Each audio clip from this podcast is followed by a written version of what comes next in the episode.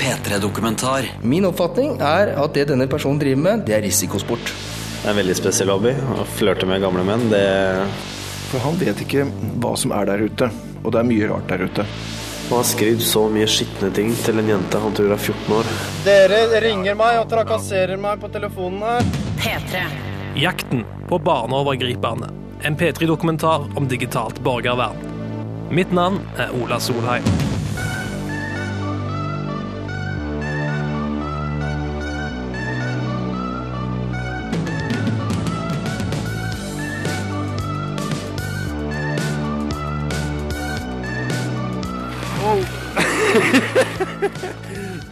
Nå er vi på vei eh, oh shit, ned en jævlig glatt bakke som går ned dit hvor vi skal flytte. Vi driver og flytter inn i større leilighet fordi vi skal ha barn, og da blir det to barn i hus. Tre barn i hus med meg. Shit, det er veldig glatt her, altså. Det er mye som skjer i livet ditt nå. Det er veldig mye. Det er nytt barn, ny leilighet, oppussing. Og den uh, avsløringa av pedofile, det tar ekstremt mye tid. Eh, det handler ikke om penger. Men hadde jeg fått betalt for det, eh, kunne jeg leve av det, så hadde jeg gjort det 100 Uten tvil. For jeg brenner såpass for det. Du skal, på, du skal bli far, rett og slett. Hva tenker du om det? Det blir fantastisk. Det er en god følelse. Men uh, det er jo litt skummelt å tenke på når man vet hva som lusker der ute. Dette er Stig Karlsnes. Jeg møtte han på vei til den nye leiligheten sin, hvor han flytter inn med samboeren, sønnen og barnet som snart kommer til verden. Vi skal følge han i dagene som leder opp til to møter han har avtalt med to menn, som han mener er seksuelt tiltrukket til mindreårige jenter, og dagene etter, når videoene har blitt publisert på nett. Fint. Vi gleder oss. Flytter i morgen. To møter om to dager, så det er mye stress.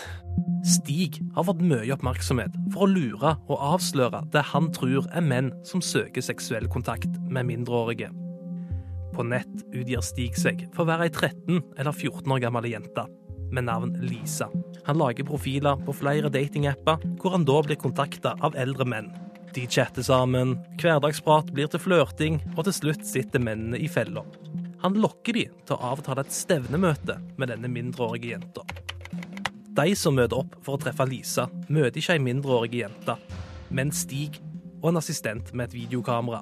Han konfronterer de så med hvorfor de vil møte denne 14 år gamle jenta med det som skal være seksuelle motiv. Videoene blir så lagt ut på Facebook, uten at mennene er sikta, tiltalt eller dømt for noe som helst. Jeg, jeg er glad for at jeg gjør det jeg gjør. Jeg vil si at jeg avslører eh, ganske så mulig pedofile overgripere. De har ikke, som jeg kan bevise, de har ikke gjort noe ennå. Men de skriver at de skal gjøre det. Det er jo en litt spesiell hobby. det er en veldig spesiell hobby. Å flørte med gamle menn, det Tydeligvis så er jeg god på det. Det er visst noe jeg har inni, inni meg. Jeg, jeg, vet ikke, men uh, det er jo en hobby som har vært å ha i, i hvert fall et års tid. Uh, nå har jeg gjort det tre ganger, uh, veldig amatørmessig. Da har jeg hatt, møtt én gang opp aleine, med kun meg sjøl og telefonen min. og det var ekkelt og skummelt, og kunne fort eskalert seg til noe annet enn det det skal være.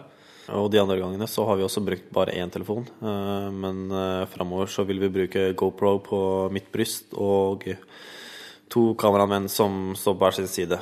Eh, så publikum virkelig får se alt. Absolutt alt. Stig sin metode er kontroversiell. Hva slags rett har Stig til å gjøre det som egentlig er jobben til politiet? Og er det rett å lure disse mennene inn i ei felle og eksponere dem for hele nasjonen, sånn som han gjør? Nå må jeg bare registrere et uh, passord her. Uh, så skal vi gå inn en tur på en annen profil som jeg har hatt uh, siden jeg starta. Første profilen. Når starta du? I desember 2015. den profilen har jeg allerede møtt tre menn fra. Og han Dette er jo en av de vi skal møte om to dager. Og han har jo starta hele samtalen med at han eh, hjelper sønnen sin med Xbox One, og at han har en kino hjemme, og han har et stort bilde som er tre ganger fem meter, og han liker å se på Han nevner det store kinobildet hans to ganger, og da har han allerede fått beskjed i første melding at jenta er så ung. Eh, han skriver at han er PT. Eh, han liker å ta med seg dattera til London og New York for shopping og litt sånne ting. Eh, for meg så virker jo det som en person som prøver å lokke til seg den profilen her, da, med å måte vise hva han kan gi, da. Og han spør også om, om jenta har kjæreste og sånne ting. Eh, så spør jeg om han har kjæreste og sånne ting, og han sier at han har gått ut av et langt forhold. Og, ja. og så spør han her lyst til å bli med på en kjøretur. Jeg er på god nå. Hvor er det? lyst på en Max-burger? Spør om uh, han har lyst på en hamburger. Så skriver han lørdag eller søndag. Hvor skulle vi møtes? Søndag best for meg. Uh, og her begynner han å skrive at kysse er godt og litt sånne ting. Uh, da, da, var jeg som skrev først at jeg skrev 'jeg vil kysse deg'. Bare for å se hva han skriver. Han skriver 'liker det du skriver'. Kysse er godt. Ofte må det flere uker til med chatting før noen tør å avtale et stevnemøte.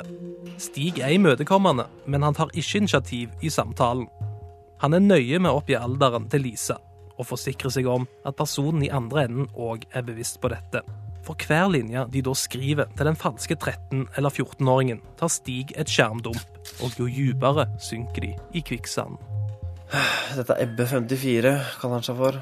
Man vet at det er spennende å kysse, skriver han, men det er lett å få lyst på mer. Vil du ha mye mer, eller rumpa di, da? Så skriver jeg hva med den? Får jeg se den? Vil den bli kysset? Kyss nedenfor navlen, skriver han. Eh, skriver han Så skriver jeg kanskje vi skal møtes, da. Jeg skal være der en uke. I jeg sa at jeg skulle til Sandefjord. Da skriver jeg ja, se på Netflix sammen, eller noe annet. Hvor bor du egentlig? Kysse naken er deilig. Og sånn. Så spør han meg om en om jeg ønsker å bli slikket. Stig skaffer bevis for det straffeloven omtaler som lokking, og kjent som grooming. Å chatte med mindreårige med seksuelle antydninger er et lovbrudd i Norge, og kan resultere i bøter og opptil ett år i fengsel. Eh, når jeg var syv år, fra jeg var syv til jeg ble ti, elleve, så gikk jeg på en, en skole for barn som ikke helt klarte seg på vanlig skole, da. Og der gjorde de en god del ting, måten de behandla oss på, måten de håndterte situasjoner på, sånne ting, hvis vi utagerte. De var ganske drøye, så det Er det litt derfor du gjør det du gjør i dag? Det gir meg en liten ekstra motivasjon. Nå, nå går jeg direkte mot pedofile nå i dag, men hvem vet, kanskje vi går etter vold og, og sånne ting hjemme senere òg. Dette er jo et veldig emosjonelt tema. Er det ikke litt sånn vanskelig å gjøre dette som enkeltperson, da? Dette, det er jo Normalt gjør jo politiet dette av en grunn, for de er på avstand til saken. Du har jo chatta med disse, du sitter alle de fæle tingene de skriver til deg, de tror jeg er 14 år gamle jenter. Er det ikke litt risikabelt når du har så mye følelser knytta til det? Jeg må legge mine egne følelser for dette ved siden av når jeg holder på med dette her. Ja, man blir aggressiv og hissig når man sitter og får sånne meldinger. Men jeg kan aldri ta det ut når vi, når, jeg, når vi, drar på treff. Jeg kan aldri møte noen hissig. Uthenging av pedofile er ikke et nytt fenomen. Oh, did you bring, did you bring protection? Yeah.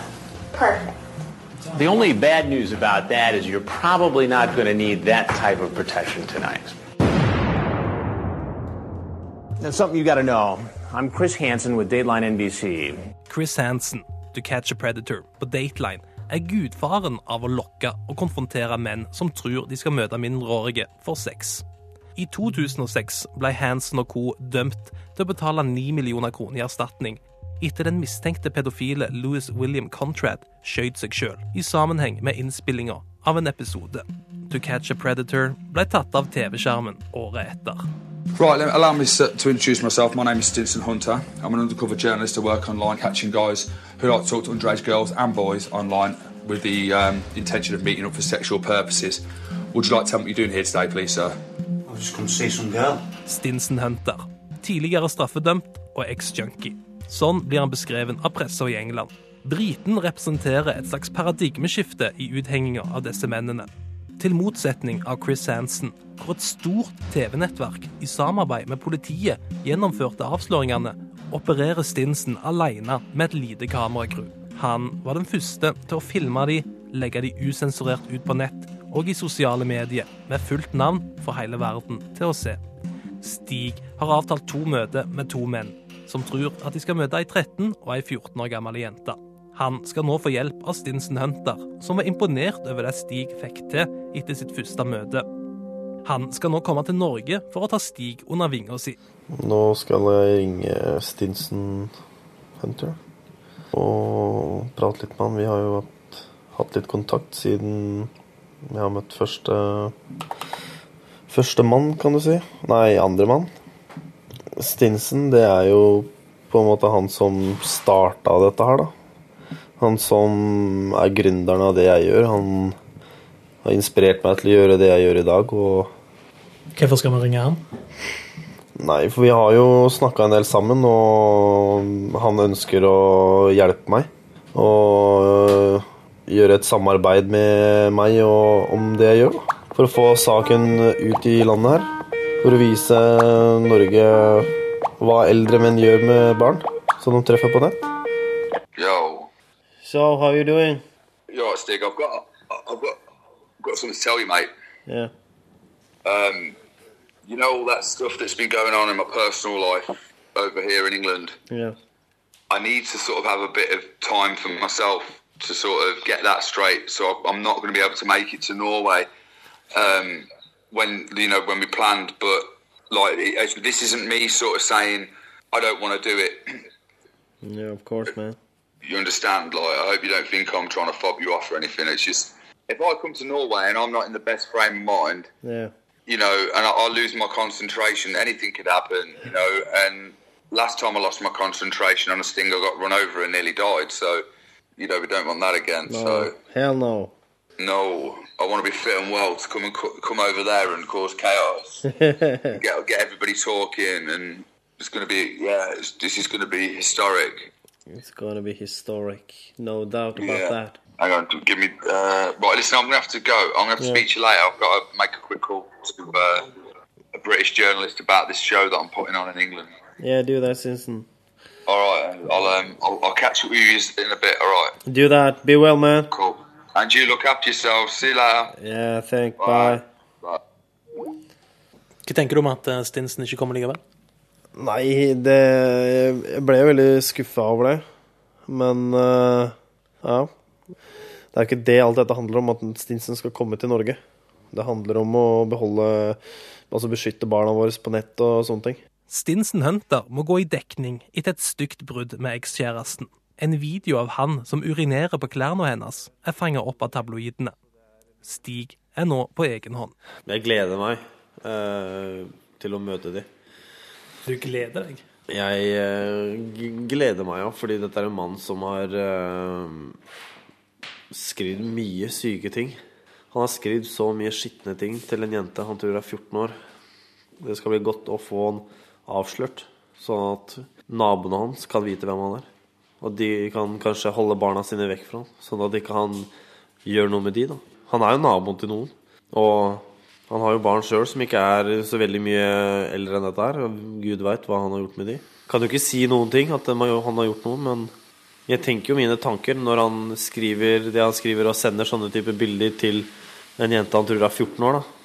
Seks år yngre enn eh, Nei, fem år yngre enn sin egen sønn. Det er sykt. Jeg har møtt eh, tre menn tidligere og konfrontert dem. og eh, vært, noen ganger har jeg vært veldig rolig, og eh, noen ganger så Man får jo et lite sånn adrenalinkick, på en måte. Eh, det er jo sånn når man skal konfrontere noen, og det er jo en veldig grov sak. eh, og du får en klump i magen når du leser det de skriver. Er, jeg er glad for at jeg gjør det jeg gjør. Hva tenker du sjøl når du sitter og skriver med en 54-åring som skriver disse grafiske tingene til det de tror er ei 14 år gammel jente? Jeg som far selv blir jo veldig sjokkert. Eh, Jeg hadde jo ikke tenkt å gå så langt, men nå som jeg ser hva, hva de folka faktisk gjør, og hva de faktisk skriver, så kan ikke jeg leve med meg sjøl og vite at dette skjer, og ingenting blir gjort. Fordi hadde noen ting blitt gjort, så hadde denne mannen her vært tatt for lenge siden. Det Stig gjør, kalles borgervern. Han tar rett og slett loven i egne hender. Og det skaper både etiske og juridiske problemstillinger. Om politiet hadde brukt samme metode som Stig, ville det blitt en kjapp rettssak. De har rett og slett ikke lov til å fremprovosere straffbare handlinger, som f.eks. at en politimann solgte narkotika på gata, og så arresterte de som kjøpte det. For sivile er derimot loven mer uklar. Så for å få et svar på hva Stig utsetter seg for, dro jeg til Tønsberg og politiinspektøren i Vestfold, Kjell Johan Abrahamsen. Vi eh, ønsker å være veldig tydelige når det gjelder den virksomheten han driver med, og det, vi bifaller det ikke. Vi har ikke noe sansen for det. Etterforskning skal foregå i regi av politiet, og det mener vi er et klart rettssikkerhetsprinsipp. Eh, vi setter, likevel, vi setter jo pris på det engasjementet som er rundt omkring i befolkningen for seksuelle overgrepshandlinger. Og det er viktig at man bryr seg. Det er kjempeviktig. Men man må gjøre det på rett måte. Og man må gjerne være en lagspiller. Altså Dvs. Si å spille på lag med politiet, men gjør det da på, de, på den måten det skal foregå. Vi tar gjerne imot tips, men å provosere fram straffbare handlinger, altså sivile provokatørhandlinger, det liker vi overhodet ikke. Men det er lovlig? Ja, det er jo egentlig et litt komplisert spørsmål hvorvidt det er lovlig. Eh, og det er flere sider ved dette. Det er jo sagt i en eh, avgjørelse fra Menneskerettighetsdomstolen at den som tilskynder til en straffbar handling, kan domfelles for medvirkning. Eh, så ligger det selvfølgelig konkrete bevisspørsmål i dette, men det er likevel en generell setning fra Menneskerettighetsdomstolen. Min oppfatning er at det denne personen driver med, det er risikosport. Nå er dagen her. Nå blir vi hentet av en kompis snart. Uh, nå blir jo første møte eh, utsatt noen timer. Uh, så da drar vi til Hønefoss først og, og møter han. Her kommer kompisen min. Min gode sjåfør. Se her. Yes.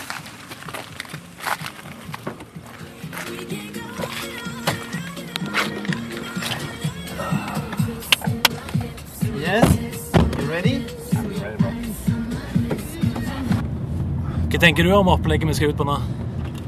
Hva jeg tenker på? Ja. Det er spennende, da. Veldig spennende. Nei, nei, rett fram. Rett fram. Nei, jo, jo, nei, nei. Han er i Hønefoss for å jobbe. Uh, han uh, skrev jo til meg i starten av chatten at han ønsket å Han kjeda seg på hotellet sitt og ønsket å møtes. Så det ble mye seksuell prat der.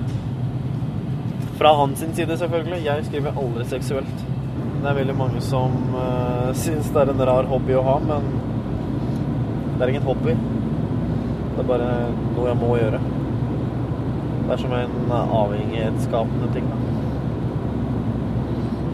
Det er vel som heroin for narkomane, tenker jeg. Men du har blitt invitert inn på rommet, du har ikke invitert deg sjøl? Jeg har ikke invitert meg sjøl. Han har skrevet til meg at jeg kan komme inn på hotellrommet hans og gitt meg romnummeret sitt og sånne ting. Jeg gleder meg til å få tatt noe avslørt den. Det er det som er eh, hele saken her. Det er, det er verre for meg å sitte og skrive med disse på telefonen. Det er det, det er det verste delen. Dette her er bare litt sånn litt hjertepump, da, for det er jo Jeg gjør jo ikke det de fleste hadde gjort hvis de hadde møtt en pedofil de visste 100% at var ute etter å ha sex med en 13-åring. Jeg veit ikke hva de fleste hadde gjort, men jeg har jo hørt, hørt at de ikke hadde klart å stå rolig og snakke med dem. Har jo også fått spørsmål om jeg vil ha med meg våpen, og jeg vil låne pistoler og sånne ting, men nei. Det er ikke det jeg er ute etter. Jeg er ikke ute etter å, å skade noen fysisk. Nå er vi i Hønefoss, og vi skal møte som ønsker eh, å møte en 13 år gammel jente for eh, samleie. Han har skrevet mange mange nasty ting du absolutt ikke skal skrive til en 13 år gammel jente. Venstre. Der er det her. Her er faen meg hotellet. Jeg skrur det på nå, men jeg begynner å filme når vi er i heisen. Det var ikke den, det var den. Yes. Og da har vi ankommet målet vårt. Her ligger han. Jeg gleder meg til å ta han. Om få øyeblikk skal Stig konfrontere mannen som venter på hotellrommet. Han er norsk og i 50-åra. Bevisene for at mannen har lokka til seg det han tror ei 13 år gammel jente, ligger på telefonen Stig har i lommen. Alt som mannen på hotellet har skrevet i chatten, skal nå bli brukt imot ham. Misperceptions about child sex offenders. Det Stig gjør, er ikke risikofritt. Ingen vet hvordan mennene han konfronterer, vil reagere. Pål Grøndal er psykologspesialist. Han jobber mye med pedofile og behandling av dem. Så for å undersøke hva slags situasjon Stig setter seg og mannen i, tok jeg en prat med han. Med tanke på din bakgrunn i risikovurdering, eh, hvor stor risiko setter Stig seg sjøl i når han eh, konfronterer det han tror er pedofile, på den måten han gjør? Ja, ikke helt ubetydelig, for han vet ikke hva som er der ute. Og det er mye rart der ute. Og du kan si at når et menneske blir konfrontert med de innerste hemmeligheter de kanskje har, så reagerer vi veldig, veldig forskjellig. Og da risikerer han at noen mennesker kan jo også bli svært aggressive, ty til vold og angripe han. Det han kanskje ikke er så redd for, det er jo den verbale volden. Altså at han blir kjeftet ut. Eh, Man anmelder han, eh, trakasserer han tilbake, nærmest. Eh, Men han, han setter seg i en risikosituasjon på flere måter, ja. Vi beveger oss inn i hotellobbyen. Stig finner den hvite trappa som leder opp til tredje etasje. Han og kameramannen beveger seg lydløst opp trappa. Mannen som venter på Lisa 13, har avtalt med Stig at han skal ha døra på gløtt. Men på vei opp trappa blir Stig og kameramannen oppdaga. Hotelldøra lukkes kjapt. Jeg står i enden av hotellkorridoren og ser Stig som banker på døra, men mannen han lukker ikke opp. Stig truer så med å ringe politiet om han ikke åpner døra. Du har to minutter på å lukke opp døra, så jeg ringer jeg til politiet nå. To minutter. Kort tid etter blir politiet oppringt på høyttalertelefon. Jeg ringer politiet nå. Det er søndag, og politiet er opptatt. De kan ikke rykke ut med en gang. Stig har en ny konfrontasjon i Drammen om to timer. Han blir utålmodig og bestemmer seg for å dra ned i første etasje for å be resepsjonisten om hjelp. Gjør gjerne det, for jeg vil ikke ha noe problem Ja. med det her. Men Nei, jeg eh, jeg vil gjerne hjelpe dere med Ja, å komme det i setter jeg veldig, veldig stor pris på. Ja, helt fantastisk.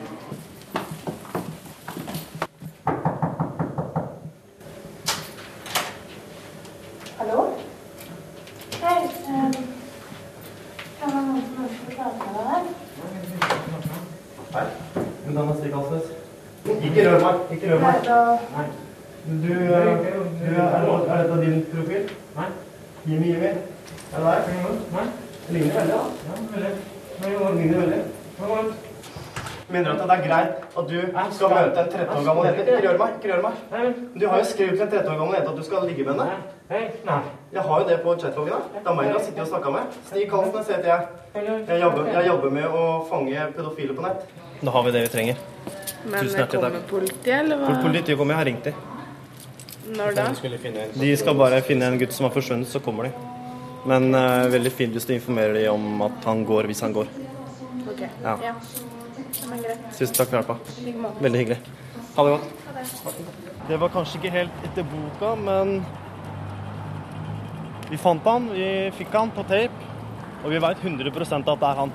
Denne mannen er pedofil. Du skal ikke være her når politiet kommer? Nei. Det tar for lang tid. Nå har jeg et møte til i Drammen.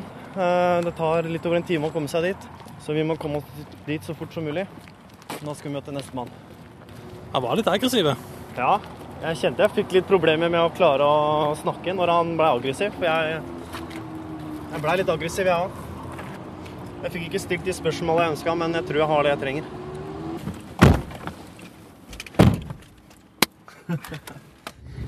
Da fikk jeg melding av politiet der de skriver 'bra jobbet'. Eh, Jeg ringer opp, ja, fordi jeg er nysgjerrig. Hello. Hei, det er Stig Kalsnes her. Hei. Hei, hvordan gikk det? Det, det, gikk, eh, det gikk bra, det. Men Kan jeg bare ringe deg opp igjen om et par minutter? Gjør det, du? Ja. Greit, det. Ha det godt, da. Okay, Ha det. Ha det. De har tatt den. Stig har satt kursen mot Drammen idet politiet rykker ut til hotellet i Hønefoss. Driftsdirektøren for hotellet uttaler senere at det som skjedde, var en beklagelig menneskelig svikt i rutinene. Det er svært få tilfeller hvor ansatte åpner døra til et hotellrom uten gjesten sin tillatelse, og dette var ikke ett av de tilfellene. Hildegunn Teigen, politiadvokaten i Hønefoss, uttaler seg kort tid etter. Politiet pågrep person personen eh, i forbindelse med at det ble anmeldt et forhold, en overtredelse av straffeloven eh, 306. At det da skulle vært avtalt et møte eh, for å begå seksuelt overgrep mot en mindreårig person. Så vedkommende ble pågrepet og tatt med til politistasjonen, og det blitt tatt avhør av personen og også andre etterforskningsskritt i form av ransaking. Eh, Dermed så ble vedkommende løslatt. Jeg er glad for at vi kom inn dit. Han lukka døra med en gang han så oss. Han skjønte det. Og du så han sto og gjemte seg borti hjørnet der. Det var riktig mann. Riktig telefonnummer. Fy faen, så bra. Hva tror du han sitter og tenker når han er på rommet? Han sitter vel og pisser på seg, håper jeg. Jeg vet ikke. Han, jeg bryr meg ikke hva han tenker. Dette har han lagt opp til selv. Føler du at det på en måte viser hvor eh, mye avsky det er mot pedofile, da, når til og med resepsjonisten uten å blunke nesten bare åpner døra for deg? Altså, hun var jo i tvil, men jeg ga han klare beviser. Eh, og bevisene er klare. Han er en pedofil mann som ønsker å ha sex med en 13 år gammel jente. De lukka faen meg opp døra for oss. Det har nå blitt mørkt, og vi sitter i bilen på vei mot Drammen. Utenfor en Max Burger står den andre mannen Stig skal konfrontere. Det er mye trafikk, og Stig blir forsinka. Mannen venter fortsatt. Men før vi reiser til Drammen, skal vi møte Robin, som er Stig sin faste kameramann. Han skal filme konfrontasjonen utenfor Max Burger. Men hei. morgen. Hva skjer da? Nei, ut av her. Ja. Eh, skal vi kjøre på, da? Eh, du får et kamera som du skal bruke. Skal vi planlegge litt når vi kommer dit, eller? Eller tar på? Vi tar det her, vi. Ja. Du får et kamera. Ja. Ikke snakk. Ikke i det hele tatt. Ikke gjør det. Forrige gang var ikke bra. Dette må bli dritbra. Nei, men skal vi, skal vi kjøre, eller? Yes, da kjører vi først, da. Status er at han eh, har venta i snart to timer på å møte en 14 år gammel jente for sex. Eh, han venter enda. Han veit ikke noe om at det er meg. Og status er bra. Bra, bra, bra. Nå får vi den. Endelig får vi en. Dette har jeg venta lenge på. Han har jeg venta lenge på. To måneder. Han er såpass gira på å møte denne 14 år gamle jenta for å ha samleie med henne at uh, han har venta to timer på en burgersjappe nå. Dette har jeg jobba lenge for. Jeg har brukt mye tid på dette her. Hei. Kameraet mitt funker ikke, så du må bruke det. Eh, få med trynet hans, og så står jeg og prater. Ikke si noen ting. Vi er framme på parkeringsplassen utfører Max Burger. Stig ser mannen han skal konfrontere idet vi går ut av bilen. Dette har vi venta lenge på. Fy faen, dette blir saker. Robin får kamera, og de går i et raskt tempo mot mannen i 50-åra. Han sitter og venter på en benk utføre. Jeg observerer for sidelinja. Mannen er tydelig preget av situasjonen og flakker med blikket og gir korte svar. Samtidig har Stig sin kamerat ringt politiet, som er på vei. Kan du, kan, du, kan, du svare, kan du være så snill å bare svare oss på hvorfor du har eh, spurt en 14 år gammel jente om å ha sex med henne? Mister? Det er ikke meg. Jeg har jo ditt tele det er jo fra ditt telefonnummer. Du har sett bilde av bilen. Skiltnummeret stemmer jo. Skal vi ikke diskutere nå? Kan du bli med meg, og så prater du Du så at han eh, skjønte hva som skjedde. Du så at han eh, visste at han hadde gjort noe gærent. Han, jeg vet ikke helt hva som skjedde med han, men jeg tror han gikk i en slags type psykose eller noe og holdt på å svime av, så vi prøvde å ta vare på han sånn at han ikke skada seg. Eh, politiet har kommet, eh, de har snakka litt med meg, snakka litt med han sikkert. Eh, jeg har også sagt til politiet at han har ikke en helt eh, bra psykisk helse akkurat nå, så den burde ta han med seg. Hva tenkte du om det? Sto bak kameraet? Jeg syns Det er jævlig bra. Det er fantastisk. Som sagt i stad, ja, dette syns jeg er ganske viktig. Og så klart, vi får ikke tatt alle, men vi får tatt noen. Når folk ser at folk bryr seg om dette, og kanskje påvirker andre pedofile, da at det er litt på feil territorium nå. Oppdrag utført. Nei, drit, da. Nå skal jeg hive att og ete Afghani-food. Ja, men de svarte Helvete, dette er for drit, da. Lukta. Men hvordan kan dere spøke ha det så morsomt nå? Dere har jo egentlig ødelagt livet til en kar her, har dere ikke det? Han har ødelagt sitt eget liv. Nei, men eh, Det er bedre at du ødela livet hans enn eh, at han ødela livet til en 14 år gammel jente. Dere virker jo veldig gira nå, da. Ja, vi, det er, Man får jo et lite kick av det. da. Nå er det så jævlig kaldt at nå vil jeg sette meg inn i bilen og dra hjem og spise litt mat. Ha det godt, da. Lykke til videre. Nå er vi politi på Lier med oss på telefon, og politiførstebetjent Anette Fiskum. Hva var det som skjedde på søndag den 28.? Det jeg kan si er at den, på kvelden eh, foretok politiet en pågripelse av en person øh, utenfor Max Burger i Lier.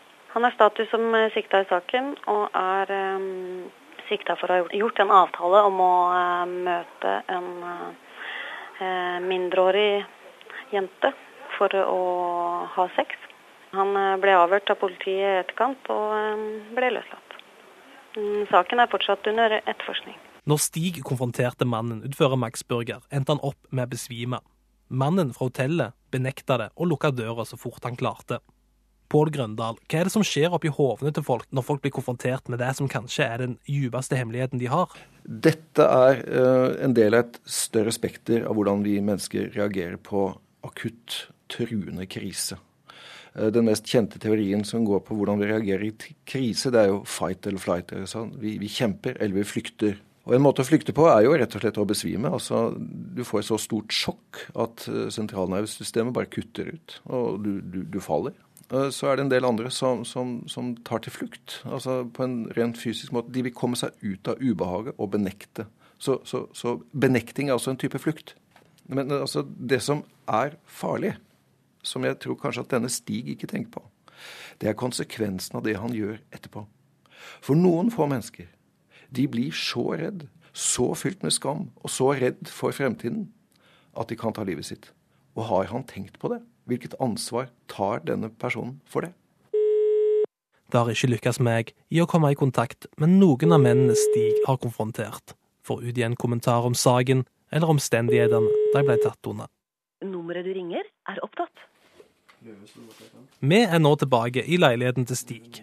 Han skal nå se over videoene av mannen fra hotellet og mannen fra Max Burger. Han klikker utålmodig på laptopen og er spent for å se over opptakene før de sendes over til Stinson Hunter i England for redigering og publisering. Og første opptaket av mannen vi traff i Lier, han fra Sandefjord. Jeg starter bare. Klarer ikke å vente. Der har jeg spotta han allerede, derfor tok jeg henda på ryggen. Det var vel egentlig ikke noen grunn til det, men Jeg vil bare at du skal forklare hvorfor du gjør dette her, og hva du ønsker å oppnå ved å ligge med en 14 år gammel jente. Det er meg du har sittet og skrevet med. Det er jo ikke vits å sitte og, og si at Går det bra, eller? Hei. Ebbe? Hva tenker du om situasjonen du skapte? Det er kaos, da. Jeg lagde jo kaos i hodet hans. Du så det. Han, øh, han blacka ut der. Han hadde ikke blacka ut hvis han ikke hadde vært skyldig. Skal vi se på neste? Skal vi spole litt, da? Ja, vi får med trynet hans først, håper jeg. Nå ser vi på video av han fra Hønefoss. Han møtte på det hotellet. Eh, der vi eh, dreit oss ut litt først. Men til slutt fikk mulighet til å få kontakt med han. Der kommer han ut. Nei! Faen. Vi fikk ikke med ansiktet hans der. Da spoler vi. Hallo?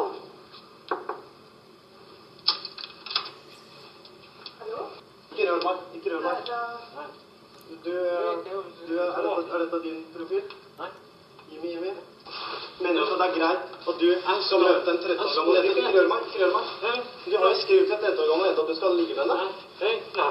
Jeg har jo det på chatloggen. Det er meg du sitter sittet og snakka med. Jeg gikk an til det jeg. Jeg jobber, jeg jobber med å fange pedofile på nett. Jævlig bra. Det er ganske fornøyd, det, altså. Hva tenker du om det du har gjort i dag? da? Har du gjort noe positivt? Ja. Uten tvil. Jeg har uh, fått to pedofile menn inn i rampesøket til politiet, og de vet godt om hva de driver med. Og De har fått logge på alt de har skrevet og alt de har sagt. Og dette er menn som er farlige for samfunnet. Hva får du utgjort med å legge det ut på nett? Folk blir eh, obs på hva som faktisk eh, lusker rundt inn på nettet. Det har nå gått ei uke siden Stig konfronterte de to mennene. Videoene fra de to møtene har blitt lagt ut på nett, og Stig har sjøl blitt anmeldt til politiet for brudd på privatlivets fred. Han mener sjøl at det er to av mennene han har lurt som står bak anmeldelsen, uten at politiet vil bekrefte dette. Jeg kan bekrefte at det foreligger eh, anmeldelser. Jeg kan bekrefte at de er under etterforskning. Utfallet av det kan jeg ikke på noen som helst måte kommentere. Det får vi bare se på. Hva er han eh, anmeldt for? Ja, det går på Det ene gjelder brudd på åndsverksloven, og det andre gjelder eh, brudd på privatlivets eh, fred. Stig filmer jo disse møtene. Og det er ikke for å gi bevis til dere, men for å legge det ut på nett og rett og slett drite disse folka ut. Gjøre de kjent for hele nasjonen. Hva tenker dere om det? Nei, vi har ikke noe spesielt sans for det heller. Eh, Overhodet ikke. Og det har igjen med de eh, ting jeg har nevnt å gjøre. Vi er en rettsstat. Folk er faktisk uskyldige inntil de er domfelt. Og man må aldri glemme heller at det finnes andre personer oppi dette som kan bli sterkt eh, skadelidende. Og det kan være vedkommendes familie, eh, nære familie eller litt fjernere familie, hvem vet, som da utsettes for eh, ekstrem belastning. Og jeg syns rett og slett man skal holde seg for god for å gjøre den type ting. Altså Gapestokken hører til en forgangen tid. Det hører ikke til i 2016 i det hele tatt. Jeg syns at Stig burde slutte med det han driver med. Så burde han la politiet få lov til å bruke den tida vi har til rådighet, til å faktisk gå etter seksuelle lovbrytere, og ikke bruke vår tid på Stig. De siste dagene så har vi brukt mye tid på saken. Eh, Han har selv blitt anmeldt. Tid vi ellers kunne brukt på å gå etter seksuelle overgripere. Det syns jeg han bør reflektere over. Jeg har vært i kontakt med ett familiemedlem til en av mennene Stig har konfrontert. Hun ønsker ikke å stå fram. Det var hennes sønn som oppdaga at bestefaren var hengt ut på Facebook som en som søkte seksuell kontakt med mindreårige jenter. Hun sier at det har vært veldig belastende for familien. Stig er nå hjemme i den nye leiligheten med samboeren, og mye har skjedd siden sist vi møttes. Nei, vi venter pedofilgreiene sine. Jeg tror du jeg kan gå utover sikkerheten til, Ja. til familien? Yes, det tror jeg. En dag så tror jeg det kommer til å skje noe. Den tid, den sorg. Derfor så får han ikke lov til å ha det på postkassa ennå. Jeg får ikke navnet på postkassen. Nei. Får han ikke lov til. Jeg er ikke interessert i å bli oppsøkt av pedofile som skal ha hevn. Men eh, hvordan har eh, uka vært nå siden eh, sist jeg var her? Slitsom. Altfor mye å gjøre hjemme, altfor liten tid og altfor mye media og hunting. Jeg skulle ønske jeg på en måte aldri hadde gjort det, og jeg angrer jo på en måte på at jeg gjorde det. For det er vanskelig å slutte. Det er, å fy fader, bra følelse. Mm. Idet vi skal runde av opptaket, får Stig en telefon. Hvorfor ringer du meg? For det første, Dere ringer meg og trakasserer meg på telefonen her. jævla negerkuk. Skal love deg, jeg finner jeg deg. Du er tøff. Jeg skal ta meg vet du hva? Vet du hva, Jeg kjenner politisjefen i Oslo. Jeg Uh. kjenner politisjefen på Manglerud. Uh. Og du og je- du, det du Uh. og Robin gjorde, det er strengt ulovlig. Det har jeg prata med politiet om. Jeg finner, jeg finner meg veldig redd akkurat nå. For jeg finner meg veldig redd. Det gidder jeg ikke. Greit det var. Det er bare noen drittunger som eh, driver og trakasserer meg. De liker ikke at jeg er ute og fanger pedofile, fordi en av dem var vennen deres. Men alt dette som har skjedd nå, forventa du det når du satte i gang? Altså, jeg forventa jo ikke øh, at jeg skulle møte noen i det hele tatt. Men øh, det har jo Altså, ting kan jo gå begge veier. Mirakler skjer hver dag. Hvordan vil du oppsummere de tre siste ukene i livet ditt? Har det veldig slitsomt med en øh, masende frue og flytting og aktiv jakting og, og treff. Eh, det har vært mye. Men øh, nå blir det heldigvis en kanskje litt mer avslappende tid litt framover nå. En liten pause. En liten pause, det er viktig det. Selv for pedo pedojegerne. Når du, Den saken du er nå er anmeldt for, du risikerer opptil ett år i fengsel, du vet det? Ja, altså, Jeg kommer ikke til å bli putta i fengsel for det. Det er du 100% sikker på? Ja. Men det er ikke litt uh, skremmende at det kan snu seg mot deg, da? Det hadde vært jævlig dumt. Eh, Det hadde vært veldig dumt, det. Men eh, jeg, selvfølgelig trenger jeg en forsvarer, så skaffer jeg det. Jeg spurte om jeg trengte en forsvarer, og han sa det at det er, det er en sak som er veldig nytt for landet her.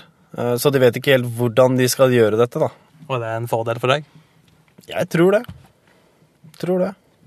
Men disse mennene som du har nå lurt, eh, noen av de har eh, gått sammen og anmeldt deg, men folk reagerer jo veldig forskjellig. Og en psykolog jeg snakka med, han sa at dette her ofte kunne rett og slett ende i selvmord.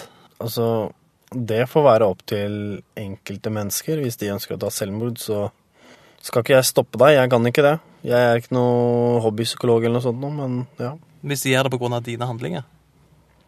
ja det, er, det er dems problem. Det er de som er ute etter å møte en yngreårig barn for å ha sex, og det Det er faen ikke greit. Men har synet ditt forandra seg noe i løpet av disse ukene på det du gjør? Jeg, eh, jeg har eh, Nei, det har ikke påvirka meg på noe av det jeg gjør. Ikke i det hele tatt. Anmeldelser og sånne ting, det må, man- må man regne med. Stig har nå møtt og konfrontert seks menn. To ganger var det den samme mannen som møtte opp. Mannen fra Maxburger, er ennå sikta for lokking, og saken er ennå under etterforskning. Mannen fra hotellet ble i etterkant arrestert og sikta for gjentatte voldtekter av et annet barn på under 14 år i over ett år. Han ble varetektsfengsla i fire uker pga. stor gjentagelsesfare, ifølge politiet. Og bevisene for voldtekten kom fra telefon- og databeslag i sammenheng med pågripelsen på hotellet i Hønefoss, som Stig sto bak.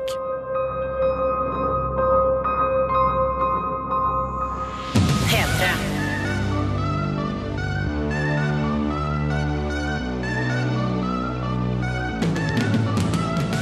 P3-dokumentar søndag klokka ni på P3.